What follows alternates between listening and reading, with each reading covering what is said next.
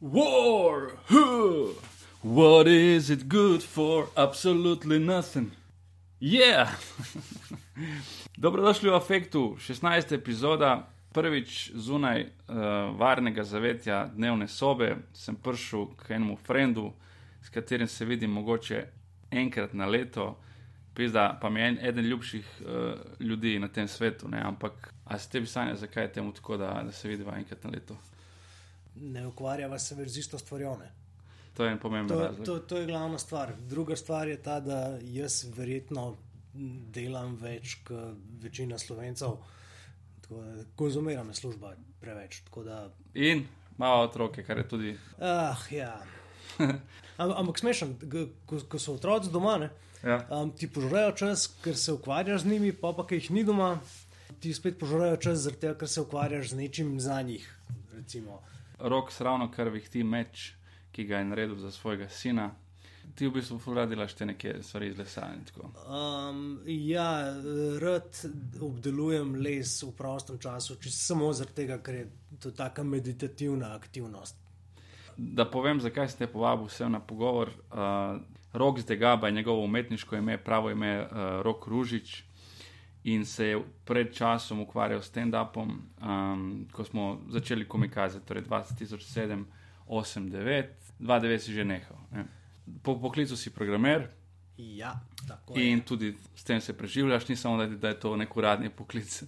Si pa en tistih ljudi, ki ogromno ve stvari, mislim, ogromno bere. Jaz, ko se pogovarjam s tabo, vedno dobim slabo vest, da premalo berem. In uh, ne gre za neko znanje, s katerim bi se ti na kateri koli način postavljal. Ne bereš teh stvari uh, zato, da boš potem objavil nek status in da bo folk, wow, le, ta tip to ve, ali, pa ne vem, kjer- kjerkoli na nekih seminarjih, ampak čisto zato, ker je tebi kul. Cool. Ja, pač stvari me zanimajo. Um, zgodovina me je vedno zanimala in večina zgodovine je v bistvu vojna. ne. Ja. In uh, pač z- zato se je zgodilo, da o teh stvarih veliko berem. Ja, sicer ti tudi tako veš stvari, ki nis, nimajo veze z vojno. Recimo, ko smo bili na pikniku, uh, ko je moj mali imel rojstni dan, uh, sem tlik takrat zasledil nekje, zakaj piha. Zato, ker se vroč zrak dvigne gor in potem v spodnje uh, sloje pač priteče mrzel zrak. In ti si tako vedel, rekel, ja. A nisi to vedel? ne, nisem prej, za včeraj sem zvedel, ti pa si to vedel. Uh, Hoče reči, fult neke take stvari, ko, ko jih uh, poprečen človek ne ve. Ključno besedo si omenil, torej pogovarjala se bo o vojnah, kar je meni odnegdaj zelo taka zanimiva tema. Ena teza je, da je to sestavni del nas, da je to kao human nature in da se mi, poleg tega, se radi ukvarjamo z obdelavo lesa ali pa z uh, ping-pongom, se radi tudi pobijamo tu pa tam občasno, tako vsake toliko pride neko obdobje, ko je kao, gremo se malo pobijati. Um, spet druga teorija pravi, da ni nujno, da, pre, predvsem, da so to okoliščine, ki človeka prisilijo v to, da to ni v njegovi naravi, ampak da se, da se to zgodi. Ampak gremo gre v štartu reči, kaj je sploh vojna, definicijo. Prvo, kot prvo, bi jaz uh, niti ne bi rekel, da je vojna v človeški naravi, ampak da je vojna del življenja kot takega. Ne. Zato, ker ne poznamo vojne samo v človeški družbi, ampak tudi V živalski. Uh, ja, v, v, vse živalske družbe, Ja. oziroma vse živali, ki um, imajo. um, Oblikujejo neko družbo, se tudi spopadajo med sabo in Ja. ja. pač to lahko karakteriziramo kot vojno. Uh -huh. In tudi živali, ki niso socialne, Ja, ne, se pač spopadajo individualno. ja, Ne.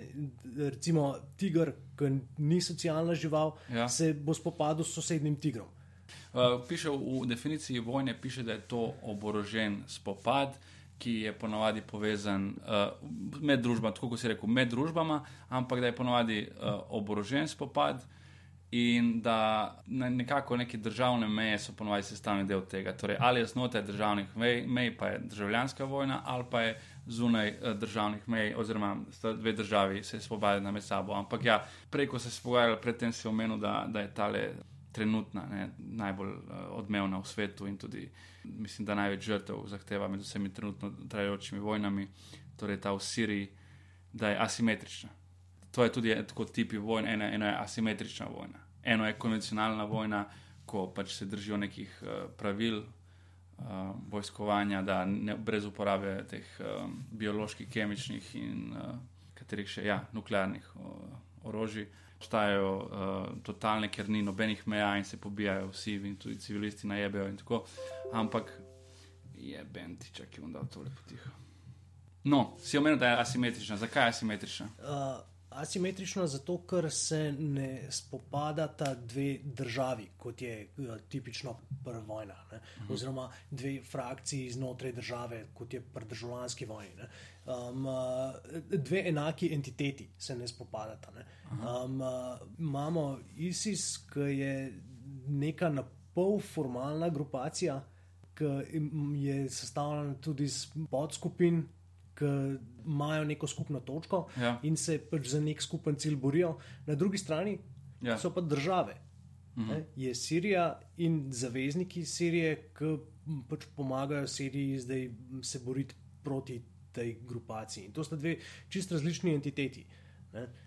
Gremo poln krog, pa se vrnemo nazaj na Sirijo, ki je tako najbolj aktualna. Torej, če govorimo o teh konvencionalnih vojnah, prva svetovna vojna. Ne. To je taka, ko je zelo vse bilo jasno in se je tudi celo začetek je jasen, da Sarajevski atentat. Ampak v bistvu se ni, ni začelo s Sarajevskim atentatom. Ne. Ne, začelo se je zato. Ta zgodba od, od atentata do začetka vojne je, je precej bolj kompleksna kot ubil so Ferdinanda, gremo se zdaj po. Ja, ja. Um, Ker na, nas so učili približno tako, kao, da je oni tam v strelu tega in kao, ok, zdaj pa je ja. sranje, zdaj pa gremo. V osnovni šoli so nas učili, da so bili vzroki za vojno napetosti med velikimi silami. ne. Ja. To je naš zgodovinar v osnovni šoli povedal. Ampak zdaj te napetosti so, kaj to dejansko pomeni. Ne?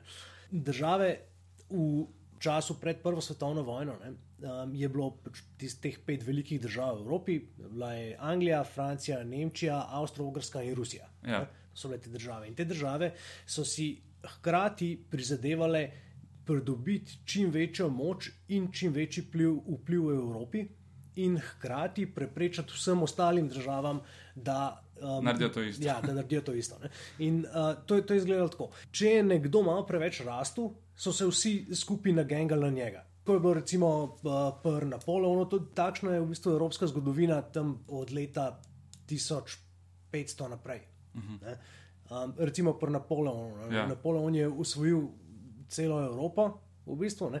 ampak vsi, vsi so bili proti njemu in na koncu so ga premagali. ne. Je, uh, Napoleon je bil verjetno še najbližji temu, da bi usvojil celo Evropo. Hmm. Ne? In uh, če se vrnemo pred Pr- Prvo svetovno ja. vojno, um, Nemčija je imela ambicijo priti do Mediterana. Uh Mhm. -huh.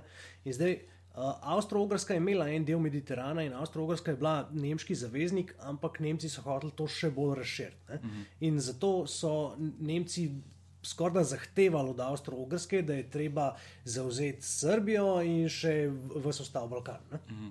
to, to, to je bila ena taka ambicija Nemčije, E- enaka je bila ambicija Rusije.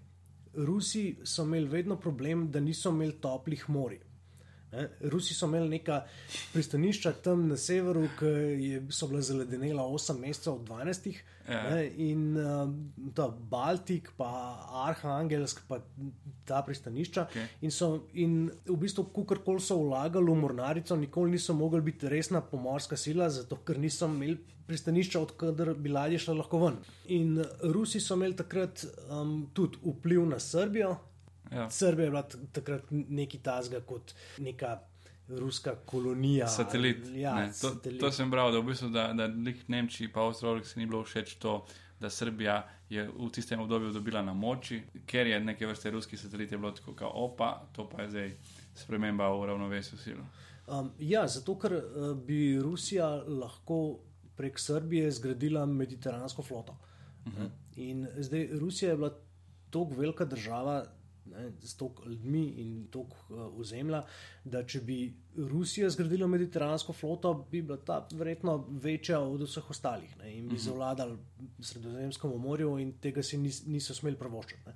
Tudi Krimska vojna se je bila zaradi iste stvari, ne, 160 let prej. Ampak si rekel to obdobje ne, med tem ko, atentatom in tem Ja, um, dejanskim začetkom. ja. uh, Nemci so tako že na pol zahtevali od Avstralske, da se pač razširi po Ja. Balkanu. In, Ampak tudi Italija je imela neke, neke tudi ona si želela to ozemlje, ni tako. Um, Italija si je želela uh, bolj kot ta del Balkana, si, si je želela Tirolsko.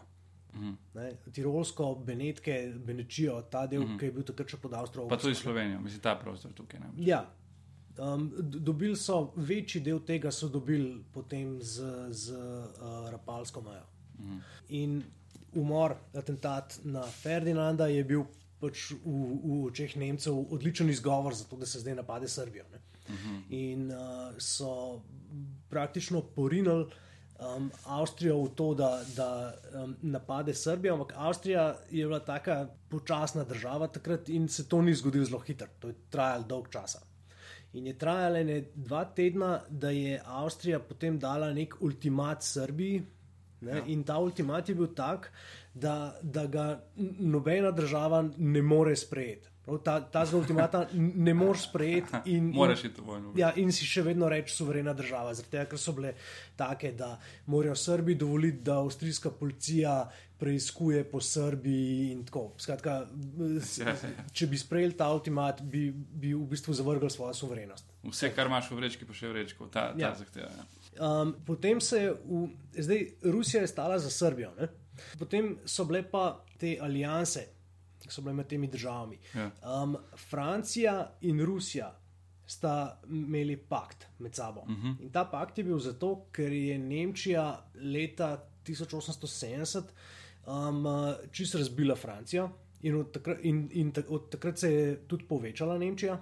Razvila in od takrat naprej je bilo jasno, da, da Francija ne more več dobiti vojne proti Nemčiji. Ne? Uh -huh. Do takrat ne, nekje je bila Francija najmočnejša kontinentalna sila. Od takrat naprej je bila Nemčija jasno močnejša. In uh, potem so, so naredili, um, sklenili so pakt z Rusijo, zato da bi se morala Nemčija v vsakem primeru boriti na dveh frontah. Zaradi tega, ker tudi Rusi so se bali nemške ekspanzije na, na vzhod. Ne?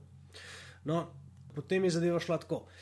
Vsi so čakali, kaj bo zdaj med Avstrijci in Srbi, uh, in potem so Rusi začeli mobilizirati vojsko, zaradi tega, ker so pričakovali, da bo Avstrija napadla Srbijo ne, in okay. da bo potem Rusija napadla Avstrijo. Ampak, ker je Rusija mobilizirala vojsko, so začeli Nemci mobilizirati vojsko, ker je Rusi mobilizirala na naši vzhodni meji. To je bil nek tak izgovor. Potem je zar- zaradi tega je začela mobilizirati še Francija, ker je pač, če gre Rusija v vojno z Nemčijo, mora nujno še Francija. Um, Anglija je prišla pa v vojno uh, nekako tako skozi stranski vhod. Um, po letu, a, pozabil sem letnico, skratka, ko so ustanovili Belgijo, to je bilo na, nekje na začetku uh, 19. stoletja, proti začetku, um, mogoče 1840, nekaj tasga je bilo. Um, s, uh, Belgijo so ustanovili kot umetno državo. To se v Belgiji še zdaj pozna. ne. Uh, skratka, rekli so, ta bivša španska, avstrijska provinca bo zdaj svoja država, imenovala se bo Belgija, imela bo kralja. Um, Belgijci so na pol nizozemci, na pol francozi in še vedno imajo noter ta interna trenja, zato ker je to umetna država. Ne. Ampak neodvisnost Belgije so garantirale vse velike sile. Eh, Anglija, Francija, Nemčija. Nemci so pa Francijo napadali skozi Belgijo. Skratka, potem to je bilo tako čudno. Uh, vse te napetosti, vsa ta pričakovanja, kako se bo vojna zgodila, so se pa iztekla tako, da je Nemčija napovedala vojno Franciji, to se je prvo zgodilo. Ja. Um, Rusija, Nemčiji, Nemčija, Rusiji, in uh, potem čista zadnja je Avstralska napovedala vojno Rusiji. Tako, čist, zadnja stvar, ne, tega, česar so se najbolj bali, Ja, ja, ne, ja. to se je zgodilo na zadnje. Ne. No, in potem, ko so Nemci napadli Francijo, so šli skozi Belgijo. Ne. Mhm. Pač Belgija je bila tako majhna država, da so jo takrat povozili, totalno, ne, in zaradi tega je bila v bistvu Britanija povlečena v vojno. Okay. Tako, da, tako se je ta vojna začela. Ej, meni je to fully zanimivo poslušati, sicer po mojem zdaj povprečen poslušalec, ki je poslušal dosedanje te oddaje, rekel tako, a ni to komedi podcast? ja, je, je. A je kažna hecna. Kjer je vprašanje? A je kakšna hesna dogodivščina noter vmes med vsem tem, kar si zdaj naštel? E, recimo, atentat ta, je bil kar hecen, ne, ta atentat sam Gavrila Principa. On je v bistvu bil en tak žgoljo, ne, ki je imel tudi ra- zdravstvene težave, tako precej slaboten je bil. Ne. In tudi so ga zavrnili parkrat uh, te, v teh neki, nekih organizacijah. Te povej, itak več veš o tem, Ja. mlada Bosna. Um, eh, tip je šel v Avstrijo, eh, v, v Bosno, eh, zato da bi on nadziral neke, neke vojaške vaje, uh -huh. avstrijske vojske. In uh, takrat je bil uh, poveljnik, v bistvu nek vojaški guverner Bosne, ker Bosna je bila takrat okupirana ozemlje ali lihkar anektirano ozemlje. Ja. Um, je bil Oskar Potjorek, nek general, uh -huh. koroški slovenc sicer. In uh, najprej so atentat uh, planirali z bombo. In so vrgli bombo, In se je odkotalila po drugi avto. ja, in, in uh, se, so drugo avto razstrelili. ne. Ja. In um, vsi so skočili, rekli, ajde, Franc, gremo. Ne, ne boš več tukaj v odprtem avtu, ki gre 10 na uro po Sarajevu se vozil, ker je nevarno. Ja. In Franc Medved je rekel, da ne, da on gre zdaj najprej v bolnico obiskati tiste, ki so poškodovani in tako. In um, ja, atentatorji so že mislili, da je vsega konc. Ja, ja, pač Da- podletelo. Ja. Da je spodletel in je šel avto od Franca Ferdinanda Proti mimo- bolnici, kaj? Ja, proti bolnici se je pel mimo Gavrila Principa. A Gavrilo pa je bil lih, se mi zdi, da Ja, neki Gavrilo... gostilni se je napil, zato ker je bilo vse Ja, tako, kao, ja. da ko smo bili bedni, jaz sem vzel. se ga je lih napil, eh, zapil, zato ker jim je spodletel. Ne? Ja, In avto je šel mimo, ampak avto, ki je šel mimo, je falil pot. In se je avto vrpel nazaj pred principa, zato ker so pač na robe zavili. ja, skoraj da ga ni vprašal za smer. Ja. Tako da, ja, pol je v- strelu pač uh, Franca Ferdinanda, njegovo ženo. Um, Gavrilo Princip je do konca življenja obžaloval to, da je, da je ubil, ubil še ženo, Ja, še um, vojvodinjo Sofijo. Ja. tega pa nisem vedel. Ja, um, v, v, oba je ustrelil, uh, hotel je ustreliti Franca Ferdinanda in Ja. ja. Potjoreka. Ne, Potjorek je bil pač ta vojaški guverner, um, ampak ni zadev Potjoreka, je Ja. ja. zadev. Ampak pol je tako kar tragično, v teh zaporih je pol trpel kot svinja. Ne? Ja, je- seveda. Ker je Ne, tako. Avstrijci so ga mučili štiri leta, potem je v, v leta 18 je umrl. Vem točno mučenje plus bolezen ne, Ja. v zaporih je bilo kar, kar kruto. Hecno pa je bilo to, da je kaj ta Črnogorec v tej ekipi uh, atentatorski, ki je bil Čabrinovič, nekaj takega. Tak, kaj je že? Brilovič. Čabrilovič. O, mislim, da je on tisti, ki je skočil čez most noter v reko, v Miljacko. Ne? Ampak Miljacka v tistem trenutku bila visoka 10 cm. Ja. Jaz sem parkrat pravil narediti stand-up iz tega in kar koli sem, folk me samo čudno gledam. Ampak Meni je ful smešna ideja, da ti pukneš se v reko, razumeš, in noter 10 cm vode in neki telavijo prijo zraven kaj in a, ide. Če že govorimo o, o prvi svetovni vojni, me- meni je prva, eh, najbolj fascinanten aspekt prve svetovne vojne je Ja. ja. razlika med pričakovanjem uh, vojakov, Mhm. ki so šli v vojno, pa realnostjo, ki so jo tam doživeli. Uh, treba je vedeti, da v stoletju pred prvo svetovno vojno Evropa ni videla večje vojne. Ne? Bila je, um, bile so uh, vojna med Avstrijo in Prusijo takrat. Um, to je bil zadnji velik poraz Avstrije. Bila je francosko-nemška vojna, oziroma francosko-pruska vojna, to, to je bilo takrat, ko se je Nemčija uh, združila, ampak to je bilo 40 let pred Prvo svetovno vojno in to so bile, te dve vojni sta bile nekako na robu modernosti. Še vedno so imeli tiste napoleonske kolone vojakov, vrsta vojakov, ki se streljata, druga, druga, tako, ki se postavijo eni nasprot drugim in se streljajo. Mm. No, in um, leta 1914 ne, je vsak imel detka ali nekega prastrica ali soseda starejšega, ki mm -hmm. je rekel: Aha, jaz sem se bil. Pred 50 leti v Königradcu, ko smo nabili Avstrijce. Ja, ja, ja, se je prenašalo tako ja. Z kolena na koleno. Ne? Ampak um, vsi so imeli idejo o vojni, so imeli še to napoleonsko. Kolona vojakov gre, ne? se pravi, ni- njihova ideja je bila ta. Zbrali se bomo nekje, Ja. potem bomo nekam šli, tam bomo srečali lune druge, se bomo streljali, eni bojo zbežali, ne mi.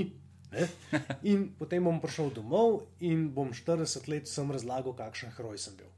To je bila njihova ideja. In uh, velikrat uh, se sliši, da so vsi pričakovali, da bo vojne do pred novim letom konec. Mhm, -huh. Mhm. Ampak to so dejansko vsi pričakovali. In če bereš dnevnike teh ljudi, navadnih ja. vojakov, vidiš zapis. Padel sem na kolena in se zahvaljeval Bogu, da lahko živim v tako lepem času, ker se je začela Prva svetovna vojna. In, in te ljudje, v, v zelo veliki večini so se, so se prostovoljno javili v vojsko, vsi so hoteli biti zdravi. Ampak, če pogledaš, dejansko bi tako mo vojne morali izgledati.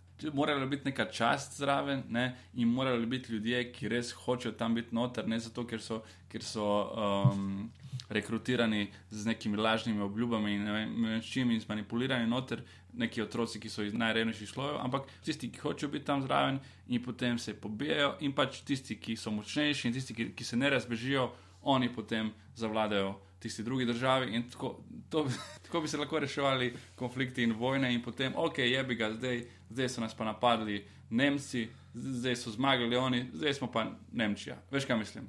Ja, to je boljše, kot so bile dizajnirane. Antične vojne so bile tako dizajnirane by design so bile take, da se je stvar hitro rešila. Ja. Ja, če se, če se čez za sekundo še vrnem k prvi svetovni vojni. Ja, no, te ljudje, ki so pač pričakovali to neko hitro stvar, ne, so se pol čez tri leta znajdeli v jarku. Pasu v blatu, uho jim je požrla podgana, pred pol leta za vrat so jim letele vranice, pa prsti od sovojakov. Ja. Um, in uh, ta um, diskrepanca med pričakovanji in realnostjo, ki ja. so jo doživeli, ne, je bila res zelo velika in zelo grda. Po mojem, največja v kakršni koli vojni. Ne. Ja, predvsem zaradi tega, ker si rekel, da je toliko časa minilo, da niso imeli niti, da ni bilo predtem. Ne, 20 let nazaj, pa 40, kakšne velike vojne. Bi... Ampak meni je zanimivo, splošno, kako ljudje, nekako, enkrat, ko je mir, kako hitro se to, ta nek, uh, ne spomin na vojno, ampak kako se ta neko zavedanje, kaj vojna je, izgine, ker nekaj so pomembne, neke uh, majhne politične razprtije in ne vem kaj, a v bistvu pa ni tistega. Veš, tako kot se vojna zgodi, tudi zdaj v Bosni še vedno govorijo, kao, samo nikad više rata, samo nikad više. Ampak to se govori zato, ker v Bosni ne gre dobro. Ne? Bosna je v obupnem stanju in revna in vse. Ampak je, ko je tako stanje, ko je neka blaginja, kot je recimo v Sloveniji, ali pa vem, še večja, kot je nekje ne vem, v Avstriji, Švici, tako je potem folk na nek način pozabi na to, kaj, kaj v bistvu vojna je. Uh, mogoče imamo mi tako percepcijo, zato ker um, mi živimo v času. Tako, rodili smo se v času televizije, telefona, radia, zdaj živimo v času interneta. Ja. In pač, če hočeš videti, kaj vojna nekomu naredi, posrčaš po YouTubu ali, ali, ali pa po kakšnih unih malo bolj obskurnih, ker YouTube ja. tega ne dovolj um, in, in boš videl, kako izgleda človek, ki ga zadane granata. Ne? Zdaj, um, ljudje pred časom množičnih medijev niso imeli možnosti tega sploh, sploh dojeti, kaj, res, kaj se zgodi. Zdaj, kako so si predstavljali, kaj. Um, človek občuti na bojišču, to je zelo težko vprašanje. Ker on, oni niso imeli česa, oni so imeli mogoče kakšno knjigo, pripovedke ja, ja. sorodnikov, znancev in to je to. Ustno izročilo. Ja. Ampak kljub temu, da imamo vse to, jaz ful čutim razliko med. Um, zdaj bom ful šel osebno, ampak ker sem sam doživel vojno, um, nekako se počutim ful bolj pripravljenega na novo tako stanje, kot pa vsi ljudje, ki niso doživeli tega. Samo zato, ker se mi zdi, da enkrat, ko doživiš to, kako se poruši vse skupaj, kako se cel ta nek, neka civilizacija, nek, nek sistem vrednot, ali kakorkoli hočeš to poimenovati, torej sistem, ki nam omogoča, da živimo tako v miru in da, in da nas je vem, na stadionu 20 tisoč ljudi in poslušamo nekega glasbenika in se ne pobijamo med sabo. Ne. Ko se vse to poruši. Ko dejansko vse te ulice, vsi, vsi, vse te mesta, v, uh, kamor si hodil prej, kar nekaj je nevarno, biti v lastni hiši, v lastnem stanovanju, vse po, nikjer nisi varen. Ko, ko združiš ta občutek nekega prvenskega strahu, da nisi varen, ne ti, ne nihče od uh, tvojih najdražjih, takrat, ko enkrat to doživiš, se mi zdi, da, da te to spremeni in si do smrti tak. In tudi, če tega ne doživiš, se mi zdi, da, da si taka oseba, da v resnici ne veš, kaj je vojna. No. Ne, ne veš, dokler je, dokler je ne doživiš na ta način. To, zato me je zanimivo. Pravim, jaz, jaz sem cel, cel čas z eno roko na kufru. Razumeš? Zanimivo me je to, ko, recimo, če govorimo o jugoslovanski tej vojni. Ne? Kako je sploh, a je obstaja kakšen, kakšno ime za to vojno? Ne, jaz sem pravim tri, tretja balkanska vojna. Tretja balkanska. Ja, sem, verjetno sem edini. Ne? Jaz ja. temu pač pravim tretja runda bal balkanska. Možno, ja, mislim, lahko bi jo tako imenovali, ampak je niti nekih objektivnih podatkov nimaš, ker obstaja hrvaška Wikipedija, obstaja srpska Wikipedija in zdaj, kot da bi bral dve pravljici različni. Ne? Ampak je bil en tak, se mi zdi, spet klasičen primer kako se to zgodi. Da povem, kako, kako ti doživljaš to našo vojno, Jugoslavijsko. Um, predvsem bosanski del vojne je, ja. je za moje pojme najbolj bizarna vojna, kar jih je kdaj bilo. Zato, ker um, če pod uh, nazivom vojna si ponovadi predstavljamo simetričen spopad med dvema stranema. Ja. Zdaj v Bosni, to sam veš, si že v štartu si imel tri etnične strani. Mm.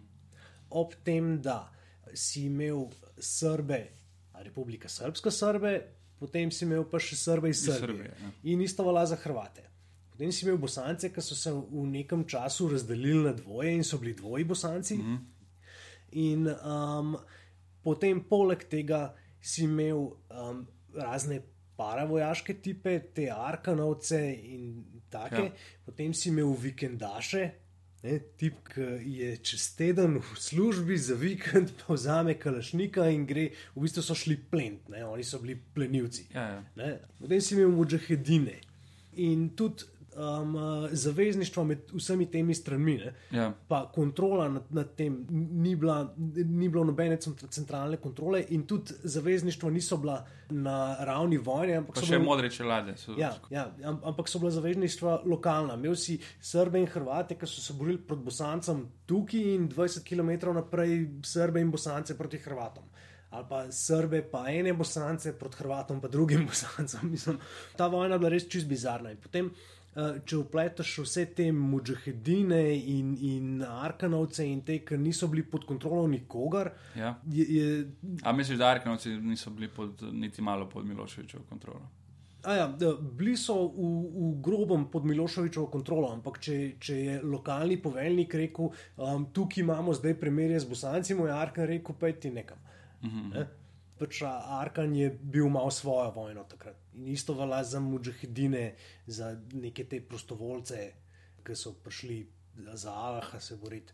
Oni so imeli tudi, sicer so bili nominalno pod povestvom bosanske vojske, ampak pač tam so neverniki. Ne.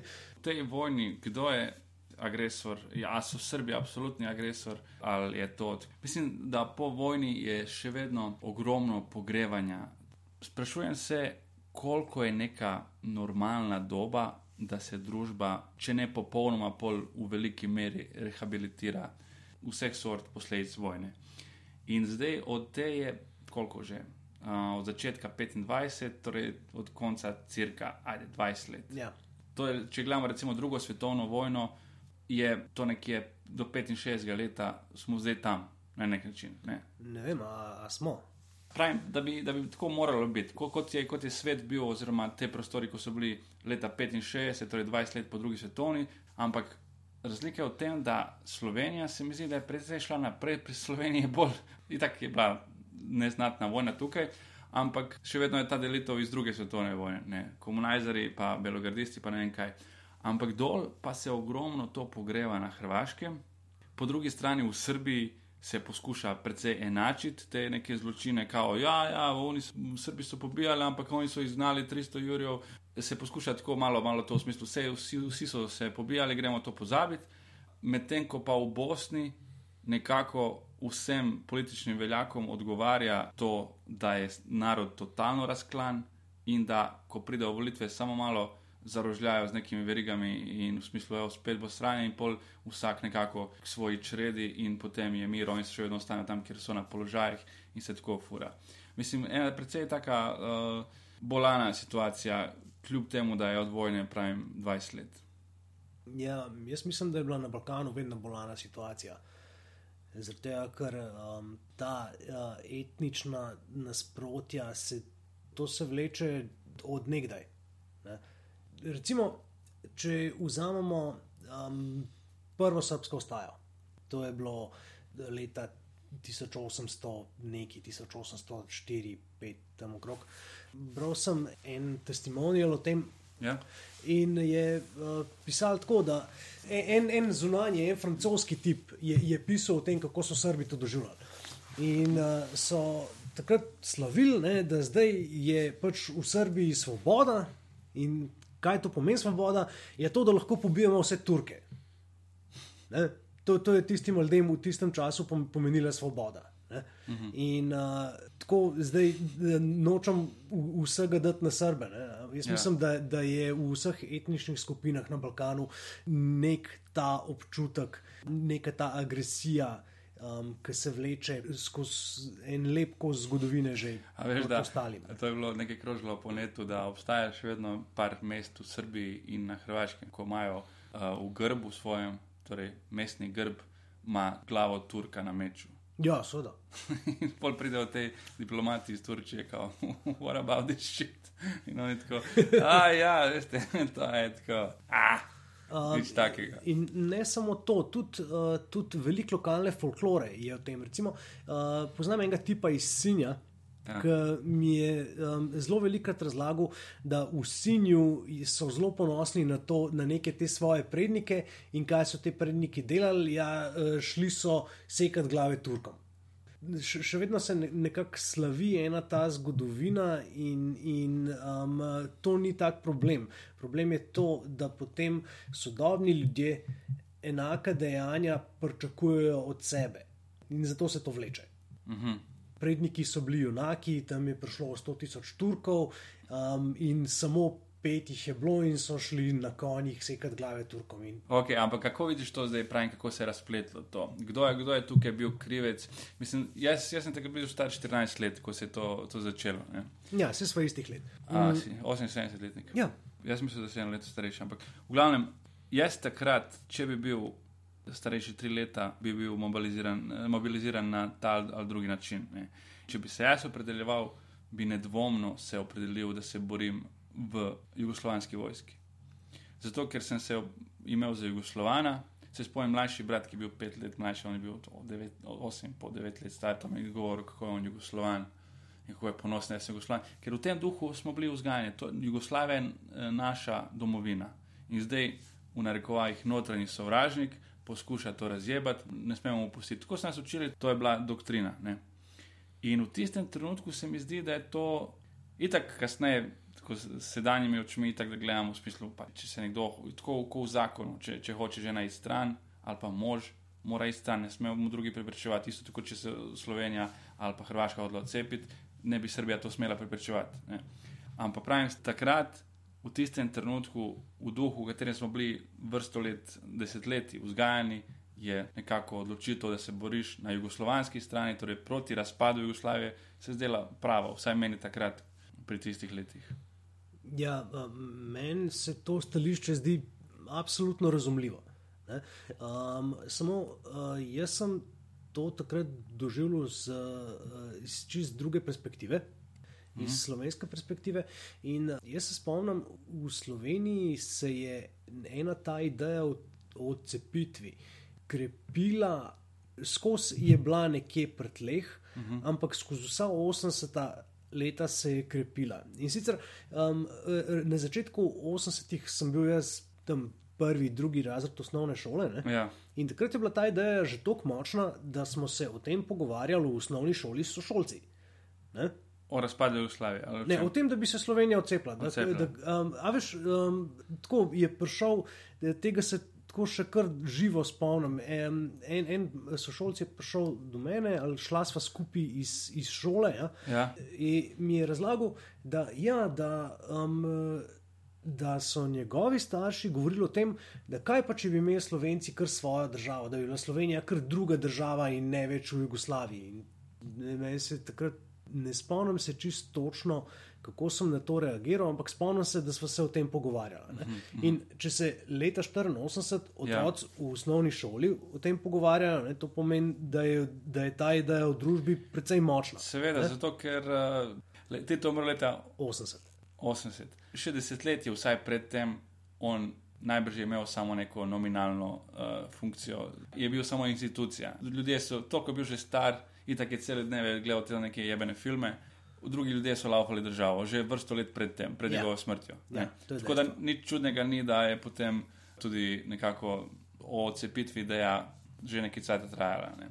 Tito je bil Jugoslavija in potem ni, če ni Tita, oziroma če ni več to toliko zraven, potem je nekako normalno, da, da se govori o tem. V Sloveniji, kot se jaz spomnim, je bil jugoslovanski duh močen edini edin takrat, ko je igrala jugoslovanska reprezentanca. Uh mhm. -huh. Edini takrat so bili vsi za Jugoslavijo.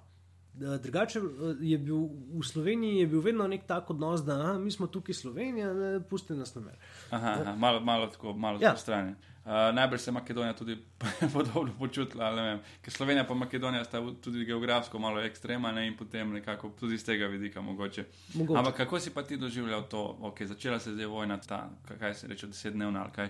Slovenija se, um, se je odcepila in zdaj, ne vem, um, alarmi, pa to, kako si to tukaj doživljal. Uh, ja, jaz sem nabral kup kamnov, slišal sem, da grejo tanki. Um, mislim, da sem bil star 13 let in sem nabral kup kamnov in sem šel tja na celoško, kjer so neki teritorijalci postavili barikado iz avtobusov in sem šel tja čakati tanke. skupaj bom kamnov. In kako zdaj si čakal? Um, tako, Do kosila. ne, uh, pet minut, zato ker je prišel en teritorijalc in me je na brcu, da ne se poberem stran. Dobro, gre, greva nazaj na, na prvo svetovno, pol pa na drugo. A je bilo na soški fronti, ko si ti rekel, meni tisto, da so se eni maskirali v Bosanski? Ja, ja. ja. Da je poje to anegdoto.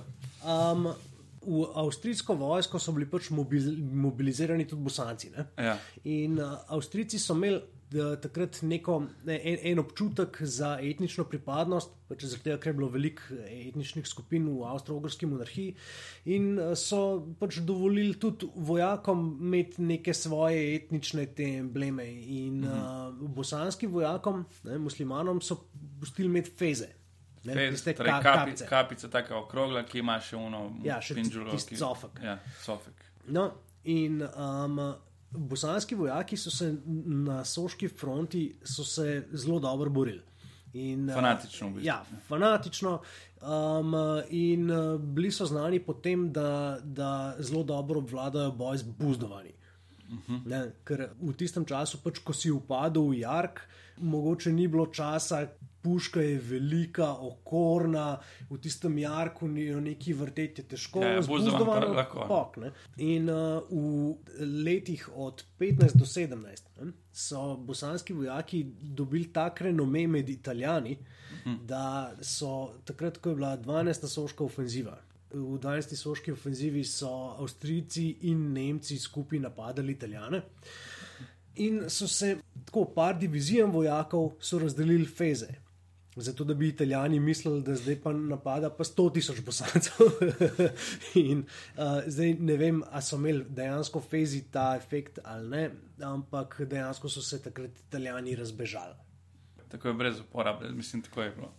Um, ja, bitki, Ni bilo boja. Ja, bil je nek boj, ampak bitki se reče čudež pri Kobaridu. Ja, ja. Ja, v prvi svetovni vojni je bil to res čudež, zato ker na kjerkoli fronti to, da si napredoval da, da si zauzel 20 metrov ozemlja, da je zato mm -hmm. umrl 20 tisoč vojakov. Ja. Takrat so pa v parih dneh napredovali za 200 km. Ampak ne? je pa bilo tudi to, da je bila neka bliskovita akcija, zelo dobra akcija, tudi sama po sebi je bila najbrž. To, te fezi ja. so bili samo ja, to, um, češnjica. Čudož pri Kobaridu je bil po vsej verjetnosti prva taka infantilna inkarnacija blitzkrieg vojskovanja.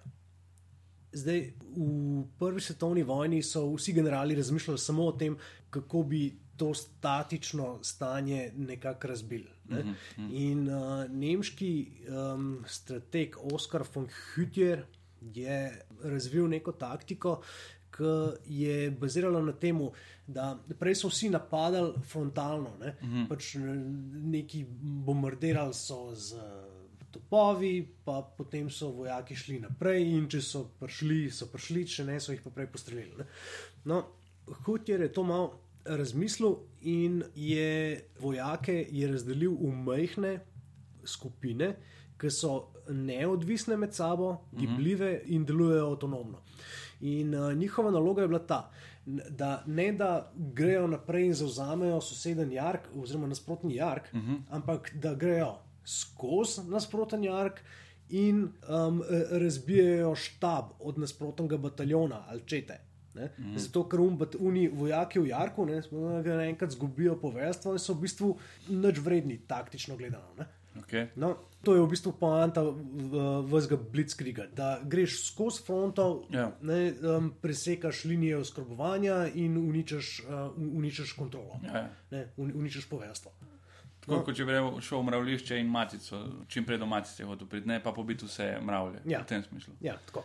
Ok, zdaj tukaj te bom prekinil, sicer si me že malo zajeval. Ne vem, ne vem koliko ljudem je to fascinantno, ampak meni je res fascinantno za nekoga, ki ni zgodovinar, eh, da toliko ve o teh stvareh.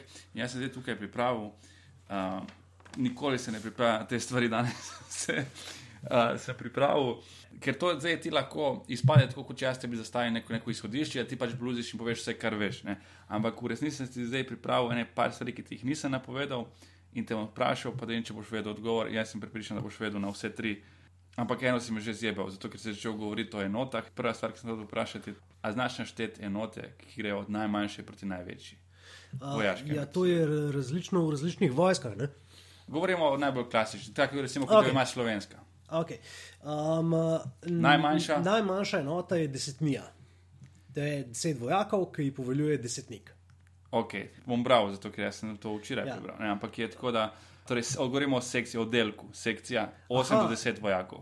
Uh, ja, recimo, imajo, imajo američani tudi um, manjšo enoto, ki se ji reče squad, ki so štirje. Ali pa fire team. Ne? Ja, to, ampak to so, to so štirje, od tega ima eden quad automatic weapon, to pomeni ma- malo večjo strojnico, ostali imajo navadne puške. ne. Dobro, jaz bom prebral zdaj tukaj to direkt iz Kaj, a, Wikipedije. a, a, grem, a grem od manjše? Od, od manjše od večje, samo da ti povem, zdaj, kaj piše No, te najmanjše. Piše, kaj ognjena ekipa ali bojna skupina, fire team, to je 3 do 12 vojakov.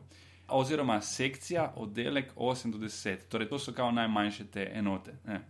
Potem druga, naslednja večja je Vod, vod, po angliško platun. plutun, ja. Ja, To je ima 30 vojakov. tako. cirka. Oziroma 3 do 4 oddelke pre, Ja. prejšnje enote.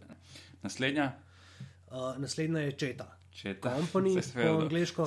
Sem, sem bil zihar, da boš vedel. Ja, uh, četa, ki ima 3 do 5 vodov in vse, ja. vse tako gre. Vedno en tisti, ki je kao backup, za druga dva. Tako nekako. Ne. Ja, nekako tako je. Ja. Naslednja, Uh, bataljon. bataljon in 3 do 5 bataljonov je Ja, hm. zdaj uh, polk. Ne? Polk. Ampak uh, zdaj, Regiment. ja, zdaj pri eno, pri večjih enotah ne, ne, ne moš reči, da je večja enota od bataljona. Je Polk, ja. Sicer je po velikosti naslednja največja, uh -huh. ampak lahko imaš tudi brigado, uh -huh. ki je sestavljena iz bataljonov, pa ne pod polko. Ja. Ne? Um, in potem je naslednja enota po velikosti, je divizija, uh -huh. ki je ponavadi sestavljena iz nekih polkov, ne pa iz brigad. Ne? Se pravi, do, brigade, do bataljona gre nekako po vrsti, Ja. potem tam je že malo tako. ja, ne. po, pol je že malo V tako. bistvu gre tako polk, brigada, armada, ne, ampak je Ne, tako, da lahko. divizija je vmes. De- Polk, brigada, divizija, armada. Vmes je pa še korpus. Ja, s tem, da korpus, to, to sem uh, zabeležil, da je nestalna. Ne? Ja. Korpus je nestalna, to so vse druge stalne enote, korpus je pa nestalna. Ja, odvisno, od- mislim, eh, ne. Ne vem, meni se ne zdi korpus čisto bolj nestalna enota kot eh, armada. Uh -huh, uh -huh. Ali pa armadna skupina. Armadna Mhm, Ja. skupina je največja. Največja. enota. Ja. Okay. Vse te enote se, se velikokrat formirajo tako po taktični potrebi. Ne. Zdaj bom skakal, tako vojna je edina črta pri teh treh vprašanjih, čisto drugam gremo. Torej, orožje, meč, lahko konkretno samurajski meč. Ja, Kako se ga izdela? izdelujejo ga Um, na japonskem potegnejo nek sveti potok, imajo Okej. in, in iz tega svetega potoka potegnejo železovo rudo, in potem je veliko teh A to je prav en konkreten potok, okay. Ja, mislim, da je prav en ko- konkreten potok. okay. In potem veliko teh izdelovalcev katan se, se zbere in iz te rude, ki jo potegnejo iz potoka, naredijo eno veliko gomilo železa. Pač, uh -huh. no, in um, to je edina stvar, ki jo naredijo skupaj, zaradi tega, ker tam dobijo ne vem, tono železa ali nekaj tasga. Okay. Um, in potem si oni to razdelijo, in potem te koščke železa, ne, uh, iz ne vem, ene kile železa ali nekaj tasga, uh, naredijo eno katano. Mm. Ne, in to katano dela pač ta kovač, japonski na začetku. In kuje tri tedne, in skozi um, tako razkuje železo, potem ga pa prepogne. Mm -hmm. Tako kot ja. da bi. Um, Ampak vse so vsi meči delajo na ta način. kako? ne. Ne. vsi imajo neki prepogibanja, ja. Ja. ne? ampak katana je specifično. Je narejena tako, da je v bistvu samo prepogibanje. Uh Mhm, -huh. A ja, še ena stvar je vmes. Dve um, iz tistega kupa železa ne, Ja. naredijo, izberejo dve različni kvaliteti železa. Uh Mhm. -huh. In eno dajo na eno stran, in drugo na drugo stran, zato, zato ker pač rabijo. Um, A ja, ja, seveda. Ja. Rezilo mora imeti drugačne kakovosti, Ja. mislim, lastnosti kot pa tisti ja. hrbni del. In potem ta tip to kuje tri tedne, ali z, z, eh, to bom sem zdaj na pamet rekel, okay. Ampak nek dolg čas, uh -huh. en mesec ali tri mesece. Okej. In kuje in skozi mol zraven. Neke te šintoistične molitve, In če ne moli, ne uspe pa katana. to ni to. Okay. Ja, um, po japonski tradiciji se pač neki te duhovi, ti šintoistični, grejo v, v uh -huh, katano. če moram Medtem ko on moli. Ja. Ja. Pol, ko on rezilo skuje, je rezilo ravno. Ja. Ne? In tem, z, zdaj bom rekel, mislim, Japonci bi me ubili, če, če bi me slišali, ampak z nekim takim glinenim blatom uh -huh. uh, rezilo namaže in potem ga skali. Kaljenje je, da se grejaš koskovine in ga potem hitro ohladiš. Ja. ne. In uh, oni pač to segrejejo, in zaradi tega, ker je, ker je rezilo namazano z tistim blatom glinenim, se um, počasneje ohladi kot hrbet, in zato se katana ukrivi. Mm -hmm. Tako se to skali, potem pa katano dobi v roke ličar. Ki um, zadevo spolira na brus, in potem da še izdelovalcu um, ročaja, da naredi ročaj in nožnico, in tako naredijo katano. Ukrivljena pa je iz istega razloga, kot je turški meč ukrivljen najbrž. Ja, ima, ima neko uh, uporabno vrednost ta krivina. Ne? Jaz sem pač omenil, kako se jo tehnično. Ja, ja, naredi. ampak pravim, ukrivljena Ja. je zato, da pač je, Zato, zato ker sila. se boljše reže. Ne? seveda, Ja. ja. sila je na manjši površini. potem. Ja, bolj se reže. Ne. Ker tisti srednjeveški meči, ki so bili ravni, tisto je bilo, to se nekje bral, da če te s tistim udarom, sicer te je porezal, ampak bolje je bilo to, da te s težo meča ti skoraj da kosti polomi. Zato, ker je rezilo Ja. je bilo pravim, ampak je bolj tisti udarec in vse skupaj uh, sila te zbila dejansko na Ja. tla. Ne. S katano se je dejansko rezalo. Enkrat je bil nek gost na, mislim, da na Radio Slovenija, nekje, ki je izdelovalec mečev. Ne. A ne? In, in je razlagal o tem, kako, kako je to u, kao ukorenjeno v človeku. Je rekel, kadarkoli je nek naročnik, to so očitno neki, neki bogatuni, ki imajo ne vem, pet jurjev viška v žepu. ne vem. Je rekel, ko je on izdelal meč za njega in mu je dal v roke. Je rekel, ko človek prime meč v roke, da je zanimivo, kaj se dogaja z njegovim telesom.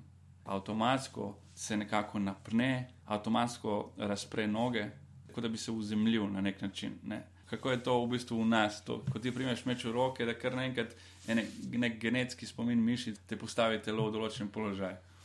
A ni to zanimivo? Ja, Ja, a, ver, a verjameš v ta genetski spomin? Um, ne vem, mogoče ne na tem nivoju, ne, oziroma ne v tako kratkem času. Uh Mhm. -huh. Drugač, tradicija zmajev ma je prihaja iz genetskega spomina. Tradicija zmajev. Ja, vse um, kulture svetovne imajo neke zmaje. Ja. Ne?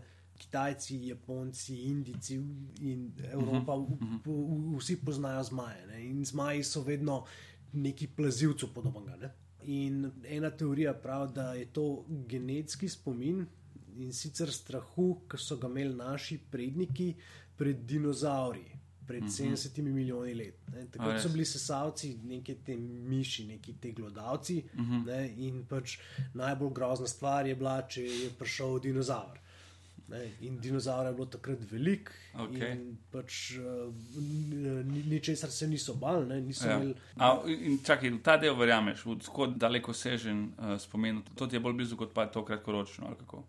Um, ne, zato ker je to obdobje, ko so se sesalci bali dinozaurov, trajalo 200 milijonov Ja, let. več, več. Ja. Ne? Meče pa poznamo mogoče kaj 2000 let, pa zelo majhen delež uh, prebivalstva je imel kdaj v roki meč. Mhm. Torej ne verjameš to. Ne, to ne. eh, Verjamem pa v to, da ko primaš v roke eno tako težko uh, Predmet, zadevo, ja. težek predmet, ki ima okrog sebe en, uh, eno, Neko auro. ja, neko auro, um, da te pač Potegne. Da, da, da te v bistvu da je to bolj vpliv ne- filmov Ja, kot. kot verjetno, verjetno precej bolj vpliv filmov. Ja. Aha. Jaz predvsej verjamem ta genetski spomin. Tudi tisto, ko je bila dilema, um, ne vem, kje smo v šoli, pred katerim predmetom smo se učili, najbrž biologija, kao nepopisan list, a je otrok tabula rasa, ali se rodiš z, ne, z nekimi, da je predpogojen, da ima že neke lastnosti. Ja. In na psih, ki sem jih imel, in na, na lastnem otroku, jaz nimam nobenega dvoma, da je to res.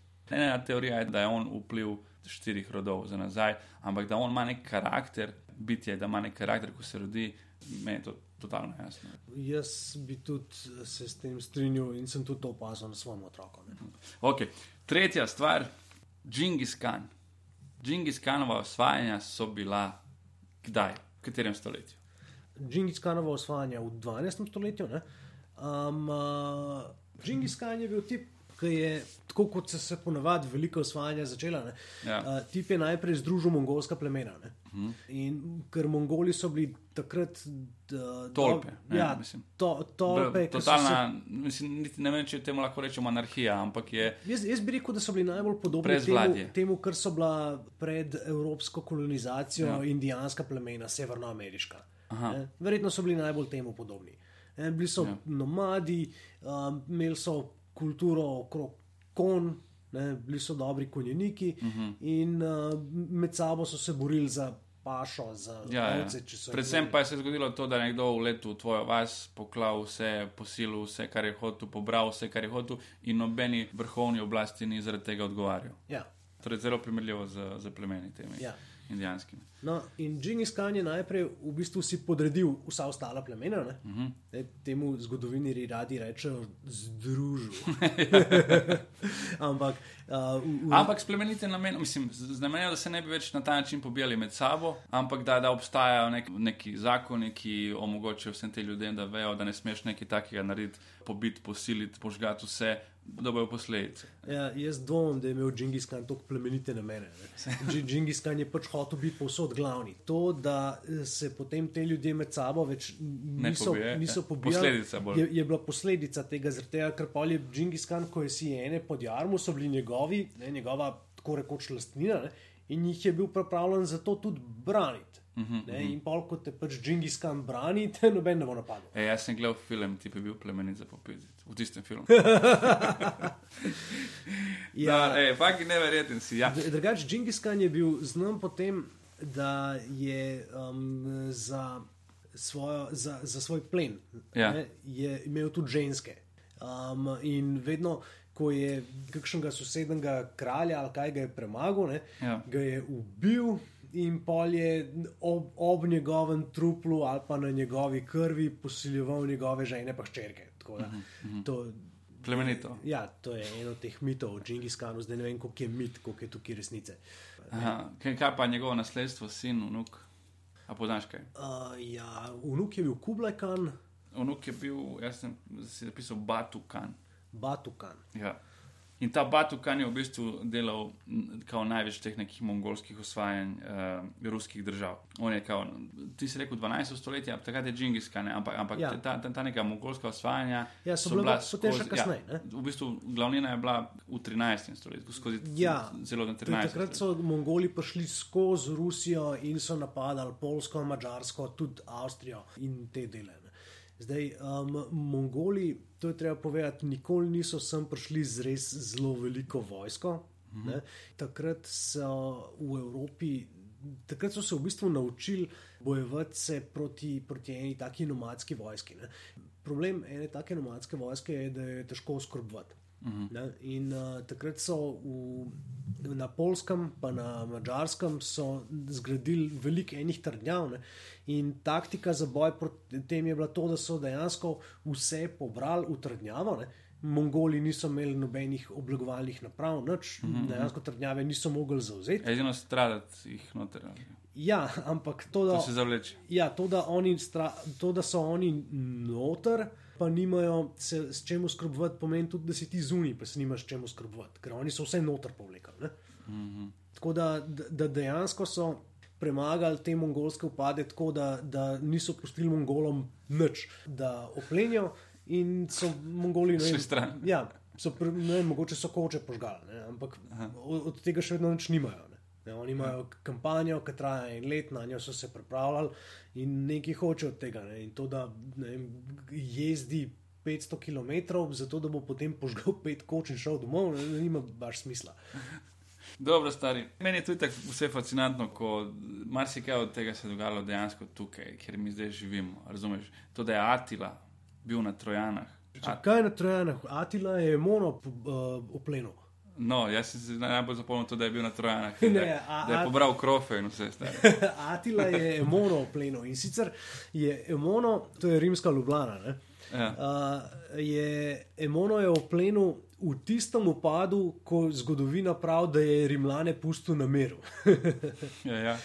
ja, to je en ta. Te- te- Emona je bila pa taka postojanka rimljanska. Ne, Emona je bila takrat čisto normalno rimsko mesto. Emono so ustanovili tam nekje v prvem stoletju, ena od legij je postavila pač svoj kamp, uh -huh. ne, ki je postal pol malo bolj stalen in pol je postala čisto navadno rimsko mesto, ki se je razvilo sicer iz, iz vojašnice. Ne. Okay.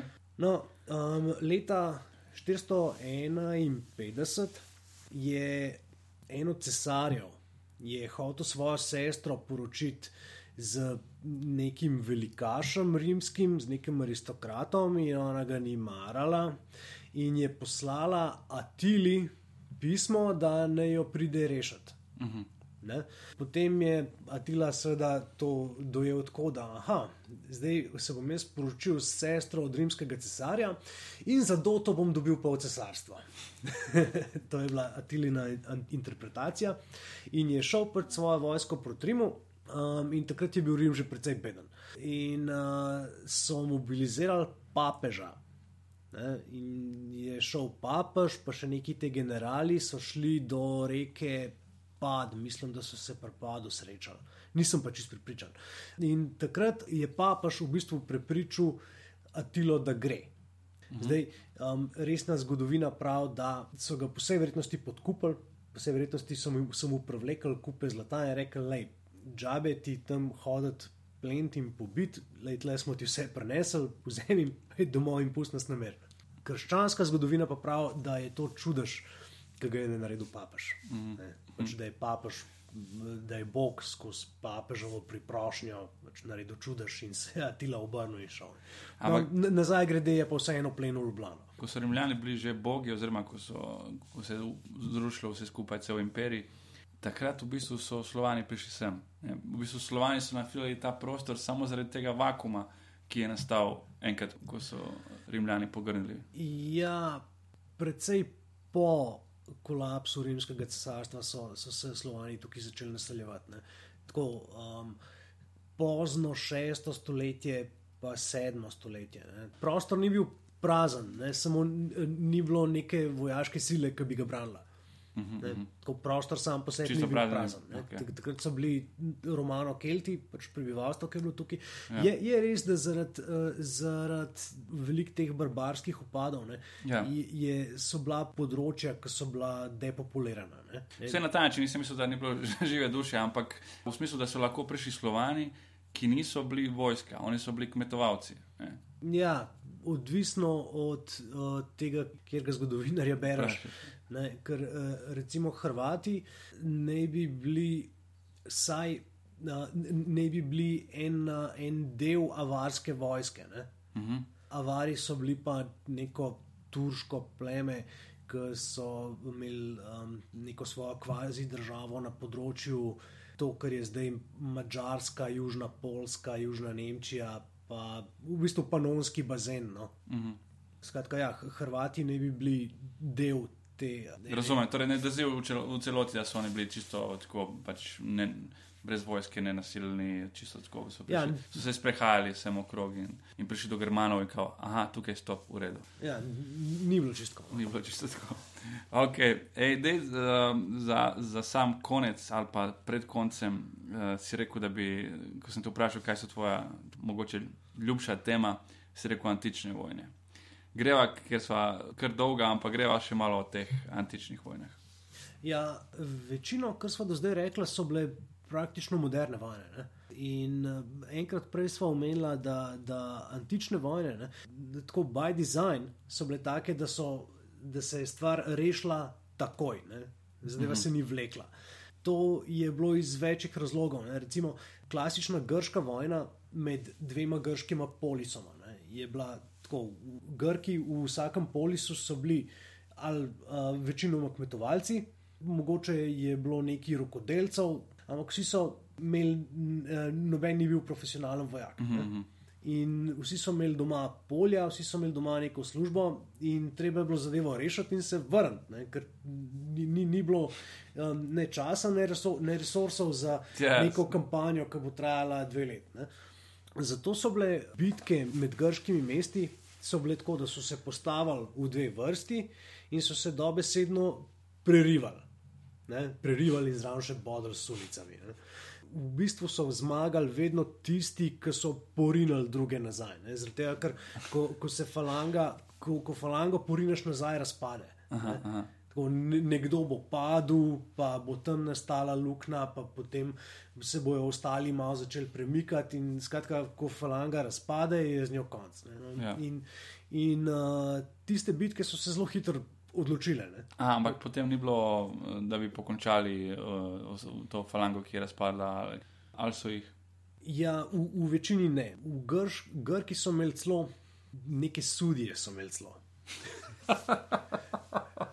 ne, Ti pa včrtasti majci in spiščalko v rogu. Ne, res, um, imeli so neki, pozabil sem, kako se zadeva, kako se je te, ta pozicija imenovala, ampak Ja. ja. bil je nek tip, ki je bil neki v smislu sodnika. O, ne pod basom. In uh, to, to je bilo tako, ko so uh, najprej so se mogli dogovoriti, kje se bodo sploh borili. To ni bilo tako kot v sodobnih časih, ko, Ja, so, ja. ko so manevrirali in to pač zmenili so se tukaj in, in tam so se dobili. Ne. In potem še, še ene par takih stvari se je bilo treba dogovoriti. Ne. Ja. In potem v končni fazi je bilo treba tudi se. Zmeniti, kdo je zmagal. Mhm, In Zdaj, um, včasih je jasno, kdo je zmagal, ne. včasih pa ni.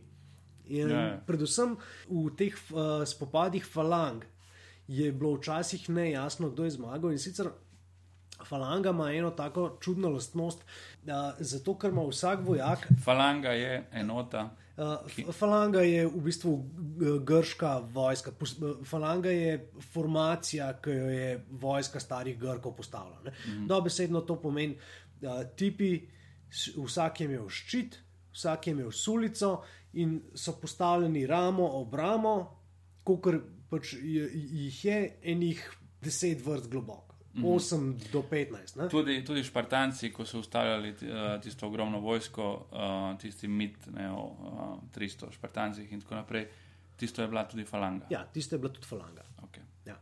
No, falanga je imela to lastnost, da čist izvira iz človeške psihologije.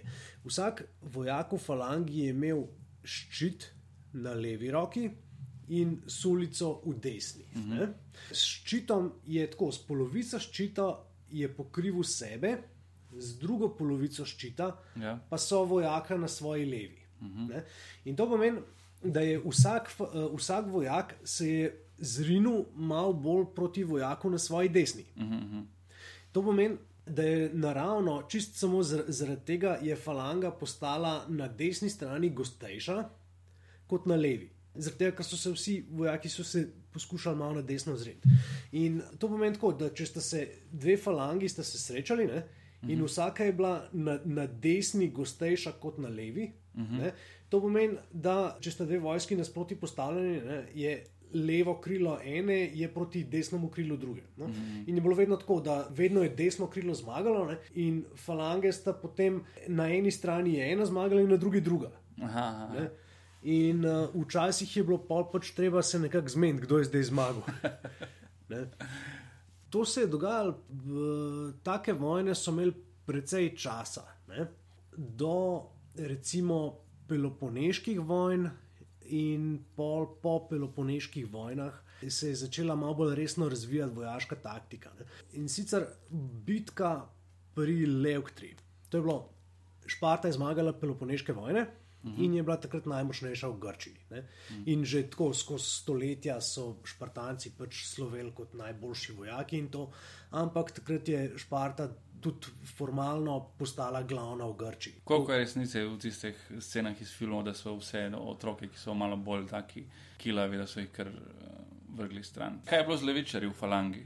Če si bil levičar, nisi bil pač levičar. Nisi bil levičar, Uh, si bil pač bolj slab borc. kaj je bilo z unim tipom, ki je bil na skrajni desni? Ja, tisti tip na skrajni desni pač ni, imel, ni bil pokrit. Ne. Zdaj upuje, da je njegova vrsta daljša od nasprotne vrste, ker če ne ga je najebo. Ne? Vedno so poskušali narediti to, da bi imeli vrsto čim daljšo, ampak ne tako tanko, da bi nasprotna vrsta prehitro zrinila. Ja, ja. Zato, ker če, če imaš vrsto daljšo, potem tisti ob strani lahko ovijajo, ne, ob, ob, ob, ob, obkoljo n- Ja, nasprotne in uh, tako si zmagal. Ne. Takrat se je ta taktika vojaška začela razvijati in sicer um, Špartanci so se enkrat spomnili, da bojo te bance tako malo poriti, zato ker so se nekaj operali. Ne. Uh -huh. Tebanci so takrat, um, oh, pozabil sem ime od tipa. Če ni važno. Ampak, ampak Filip II. Makedonski je bil takrat njegov, njegov gojenc. To je zelo pomembno. No, takrat so se se vsi bali, zaradi tega, ker so bili Špartanci pač najboljši vojaki, ampak Špartancov je bilo takrat v špartanski vojski zelo malo. Zaradi tega, ker eh, je njihovo število, je pač um, skozi so imeli depopulacijo v Šparti, v uh, razredu Špartijatov. Takrat so se v bistvu spomnili, da kaj če bi mi na tisti strani falange, kjer so Špartanci, da ne bi imeli pač normalno 10 vrst, ne, ampak bi jih imeli 50. Ne, in bomo mi na tisti strani, kjer so Špartanci, jih bomo porinili, ostali se pa itak tako bolj nočejo boriti, so, so bolj prisiljeni kot karkoli drugega. In so takrat naredili dve stvari. Prvič se uh, je v zgodovini uporabljala ešelon formacija.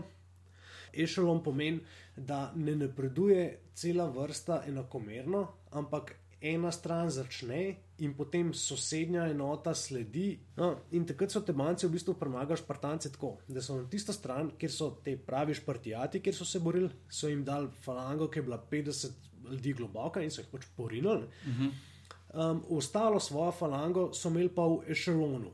Kar pomeni, da, da ta čas, ko so oni premagali Špartance na desni, so ostali šele prehajali ne, in se niti niso spopadali z vsemi ostalimi. Ne. In so ostali v špartanski vojski so pač rekli, da lej, te, te glavni so popušili, fanti, mi gremo. ne. Takrat se je v bistvu Filip Makedonski naučil vojaške taktike. Ne.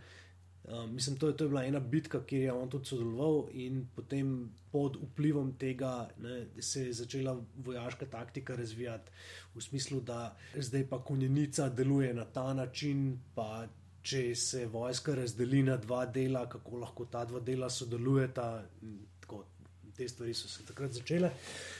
In so pol kulminirale z Aleksandrom, Aleksandr je pa pač v vsej pravici blazno slaven, ker on je pa zmagal bitke, ki jih ne bi smel. Uh -huh. Recimo uh, najbolj slavna bitka pri Gaugameli. Ne?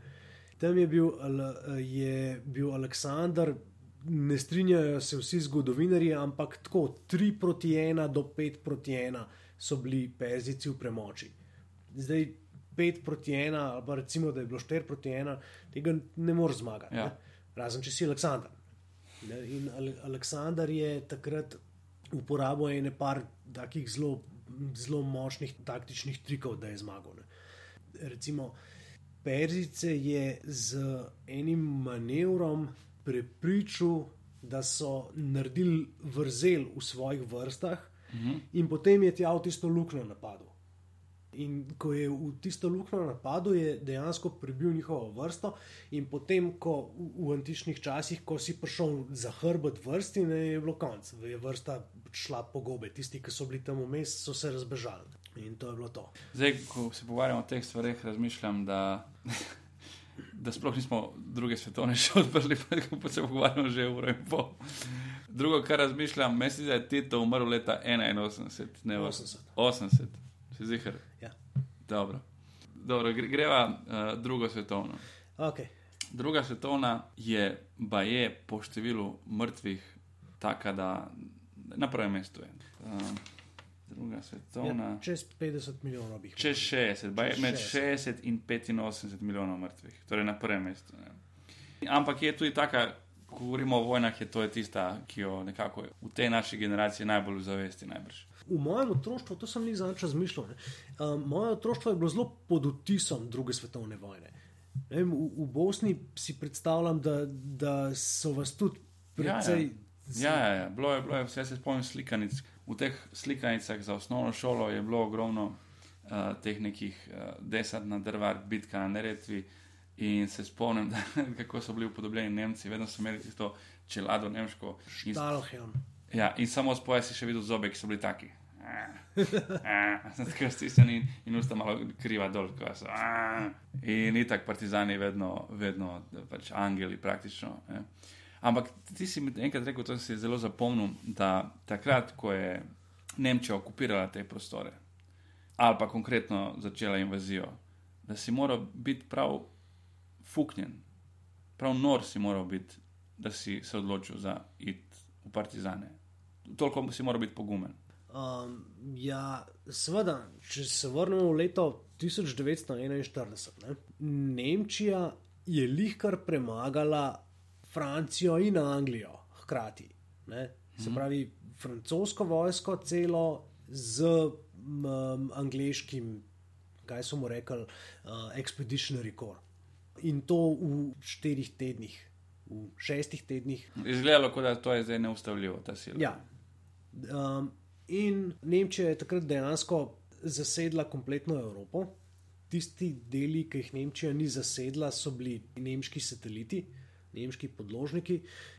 Če se greš gverilo, ne, um, moraš imeti nek, neko perspektivo, kako boš zdaj prišel iz gverile in, ja, ja. in, in zmagal. Na dolgi rok zmagal. Ja. V bistvu, lahko je furat gverilo nekaj časa, mislim, ja. lahko. Pač, lahko to narediš, ampak zmagati na gerilski način, to govoriš. Ja. No, v kakšnih vojnah so gverilci zmagali? Uh, Vietnamska Vietnam, vojna, ja. ki je bila polgrilska. Pri vietnamski vojni ne smemo pozabiti, da je bila severna, severni Vietnam je bila redna vojska. Uh -huh, uh -huh. V južnem Vietnamu so imeli pa grilce. Se pravi, uh -huh. to dvoje skupaj je premagalo američane, ne samo Vietkong grilci. Uh -huh. um, recimo zmagali so na Kubi grilci. Ampak Kuba je razmeroma majhen otok. Ne? In in poselitev tam je tako razpršena, da se je zgorilo nekako dal zasesti skozi zemljo.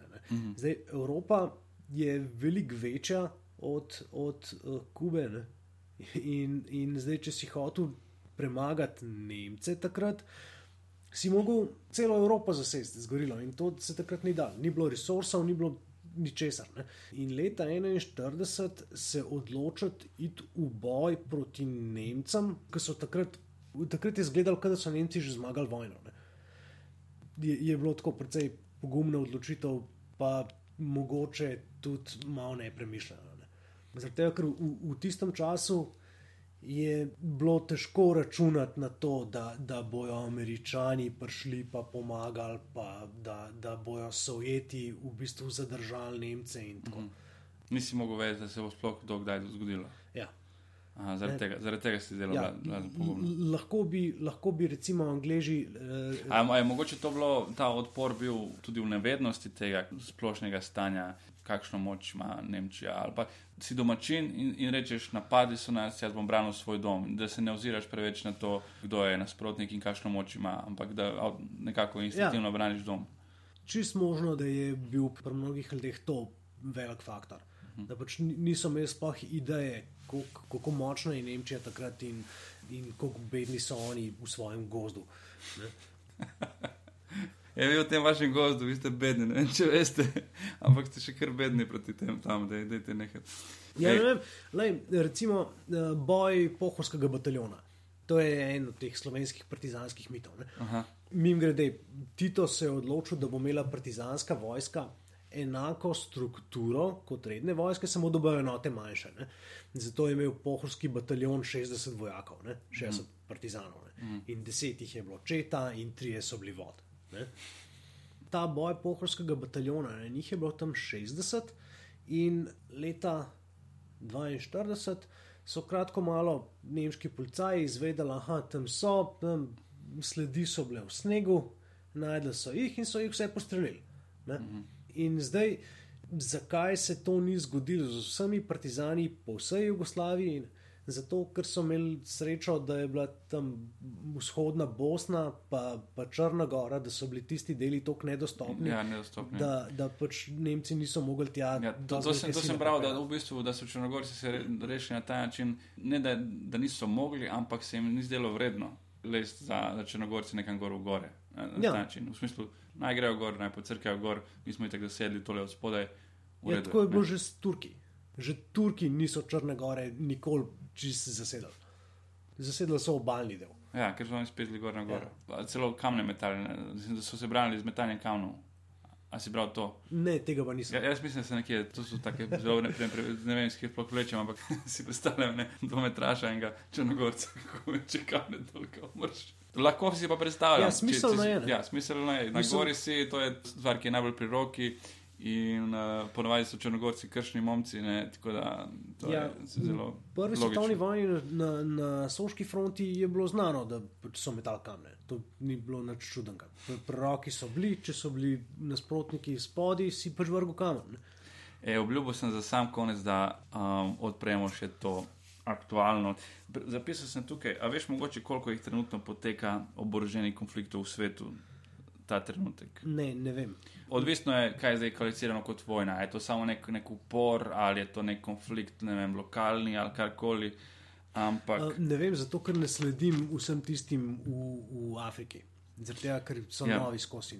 No, na Wikipediji piše, da je trenutno 14 vojn, v katerih je v preteklem letu uh, umrlo tisoč ljudi ali pa več, oziroma med tisoč in deset tisoč. To pomeni konkretne, konkretne vojne, lahko ja. rečemo. Da je 14 takih. Na prvem mestu po številu umrlih je seveda Sirija. Ampak vse skupaj, kjer je umrlo več kot 100 ljudi v preteklem letu, pa je 42 teh konfliktov ne, po svetu. Zdaj, če se pogovarjamo o Siriji, ne, v določenem trenutku se je prav pojavila teorija, da obstaja nevarnost, da svetu zavlada kalifat. Tip se je razglasil za, za kalifa in tista islamska država, kakršna koli tvorba že je. Oni so pač uleteli v nek uh, vakum, v nek prostor, ki, naredila, ki so ga naredile večje sile, um, Rusija, Amerika. Amerika jih je celo oborožila in usposobila, in oni so leteli noter in rekli, ok, zdaj pa, zdaj pa smo mi tukaj glavni. In so nekako dali nek javni apel na vse pripadnike muslimanske, islamske religije, da pobijajo. V bistvu so se bolj usmerili s svojim sovraštvom. Uh, na nevernike in na same muslimane, ki ne priznavajo tistih osnovnih, fundamentalnih nekih načel, ki so iz, iz uh, Korana. Ja, te, ki jim rečejo apostati. Ne? Ja. Torej, tukaj so in šiti, in ateisti, in vsi. Ja, vsi, ki niso- Ho- Hoče reči, hoče reči, kristijani so nekje tam na tretjem, četrtem mestu. Ni, ni tako, da pobite kristijane, ampak je tako, pobite folk, ki bi jih mogli pobiti zato, ker Kuran pravi, da, da morajo umreti. Ne, na nek način. A ni tako. Tisti, ki onečastijo to sveto knjigo na, na kakšen koli način. Ja, vsi, ki niso vahabiti ali salafisti. Okay, ja. In zdaj imaš neka gnezda salafistov tudi v, tukaj pri nas, v Sloveniji, so najeli nek piknik plac, kaj že bilo, tisto je na pol že komedija, ne? ampak tudi v Bosni je nek prav društvo salafistov in tako naprej. Mislim, da je ena, neka vas, je neka zgornja malča, Ja, ja. kamor ne pustijo novinarjev. pa tako. Kao, zbralo se je vem, 25 tipov, ki čudno izgledajo, čudno se obnašajo, in nobene ženske v bližini, v bližini najeli bi en plac in bi imeli svoje neke sestanke, in niso stand-up komiki. Oni so tudi čudni, ampak te pide imajo še brade. Čeprav pižama bi lahko šel v eno in drugo skupino. Ne. No, in zdaj, zdaj govorimo o tem, ko se je to prvič pojavilo, tako tipe stopil pred kameri, vsake toliko stavite neke javne apele Ja. uh, in tudi delati neke promo videe in tako naprej, in, in video obglavljanje, ustrahovanje plus neki klic. In itak je to pri folku. Tudi v Sloveniji, ki je tako res majhna in nekje skrita, nekje v, v sredini Evrope, uh, tako kot nepomembna državica, ampak vzbudilo je ful enega strahu. Kaj se zdi, koliko je to realno bilo, da se to prevesi v nekaj, kar bi predstavljalo realno grožnjo? Um, ja, vem, če pogledaš zgodovino islama, ne? muslimani so v Medini prevzeli oblast, ko jih je bilo 10%. Ne? In potem so prevzeli oblast v Medini in so šli zasest Meko. Ne? In mm -hmm. potem, ko so zasedali Meko, so, so pol se širili naprej. ne. Hotel sem reči to, da. da, Da ne rabi neka blazna večina biti. Ja, večina mora biti v demokraciji. Ne? Pač Ja. islam sam po sebi ni demokratičen in eh, ni treba, da je ljudi zelo velik, da um, pač prevzamejo oblast. Ne? Mhm. Zdaj, um, vprašanje je, kako močne so, so demokratične strukture v Evropi, da to preprečijo. Ne? Se pravi, a je slovenska policija dost močna, da um, zatre nek upor, če se recimo upre 20% muslimanskih policajev? A, a je slovensko pravosodje dost močno, da se. Da, da nekako zatre to, da je 20% sodnikov muslimanov in tako naprej. Ja. Ti govoriš čisto ene take statistične, ki bi se prevesilo noter.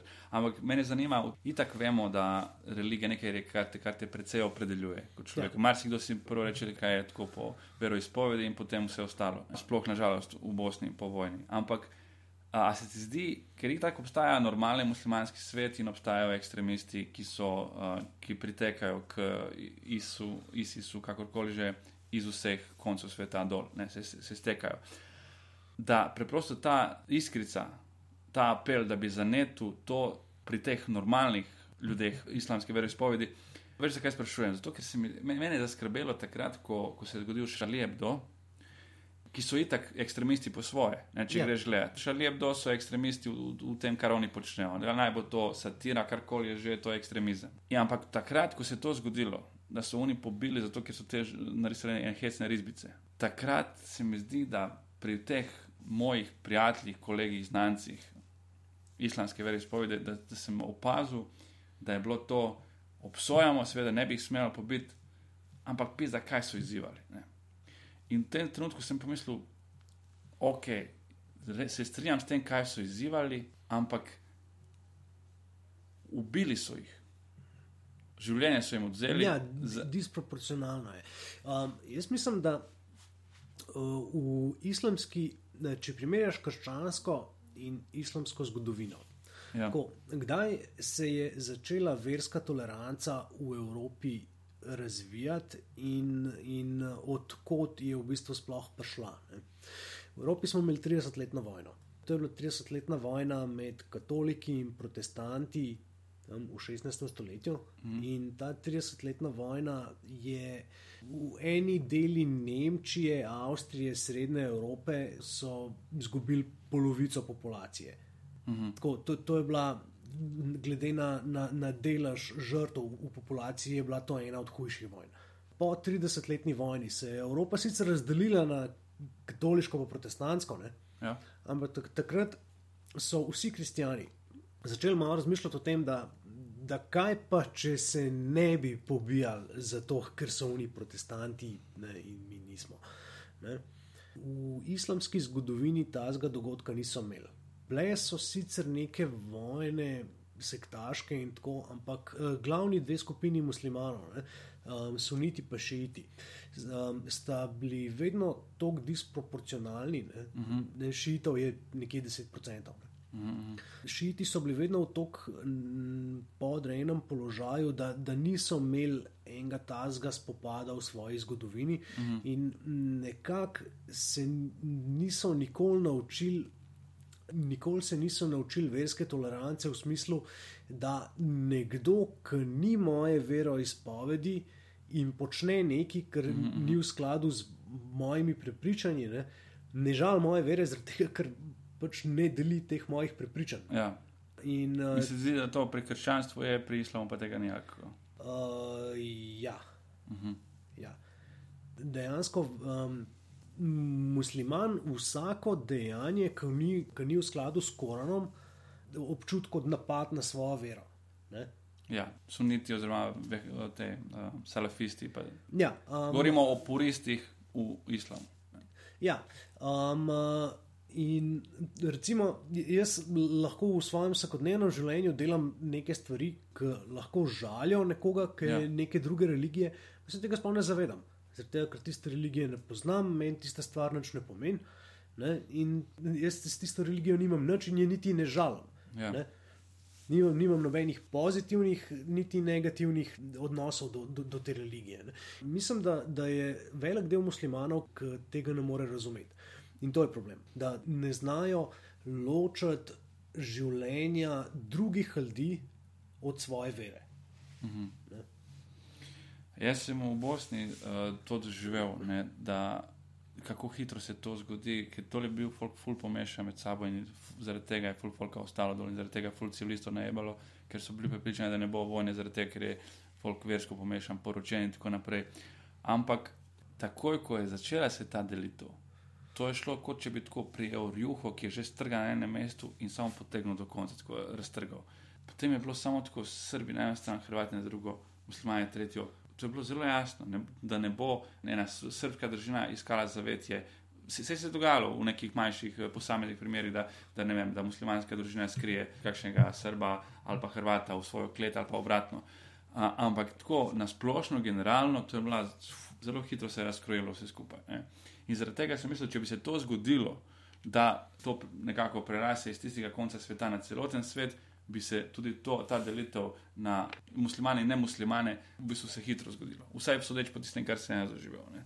In to je tisto, kar je mene skrbelo, zato ker je po eni strani ena taka. Jaz sem, jaz sem bil šokiran, ko sem zvedel, koliko je teh borcev islamske države. CIA pravi, da jih je takrat, ko sem bral, to je bilo leto in pol, dve leti nazaj, 50 tisoč. In po lokalnih o, ocenah, mislim, lokalnih oblasti, do 250 tisoč. Če pogledaš rusko vojsko, ameriško vojsko, to, Ja. to res ni, ni nek problem. Je pa tako, da jih ni najbrž preprosto um, tam na tistem prostoru izbrisati, in tu je spet stvar interesa, koliko te velike sile imajo interesa za, za se resno lotiti enega takega nasprotnika. Mislim, da je, ni tak problem ta specifičen uh, kalifat, ki so ga zdaj razglasili. ne. Um, Ampak zdaj jim slabo kaže, v bistvu, ni tako, da trenutno spremljaš kaj. um, tako na pol. Jim, Mislim, slabše kot leto dni nazaj. Tako. uh, ja, ampak eh, slabo jim kaže, zato ker so, ker so jih omejili ne, Ja. in pač zdaj tam znotraj tistega področja jih pač počasi uničujejo. Um, ampak ta kalifat se lahko spet pojavi nekje druge. Bil je en tak pojav na, na severu Nigerije. Ne? Sever Nigerije je muslimanski in uh, tam so ujeli ne vem, 200, krš, ne, 2000 krščanskih punčk iz neke šole -hmm. in, in jih imeli tam za, v svojih haremih in take. ne. Ja. Ja. Tako da uh, taki pojavi, problem je v tem, da če zatreš kalifat, s tem nisi ničesar naredil. Ne? Mhm. Ne, si, zdi, da je problem ideologija kot taka. ne vem, mogoče, mogoče jim samo manjka nekih sto let. Ne? Ker jaz bi rekel, da krščanska Evropa pred stotimi leti ali pa mogoče pred 150 ne, ni bila po morali dosti daleč od, od neke Saudske Arabije moderne. Ne? In uh, zdaj, se pravi, mo- mogoče jim sam manjka en del socialnega razvoja. Ne? Ne, upam, da je tako. Ej, stari, ful ti hvala. Ja, Moramo, moramo, moramo mo- zaključiti. morava Ti zdaj imaš pogovor z. Um, pogovor imam z uh, partnerji iz Koreje in šefi iz uh, Kalifornije. Skype konferenca, Zoom konferenca. Zoom, Zoom party.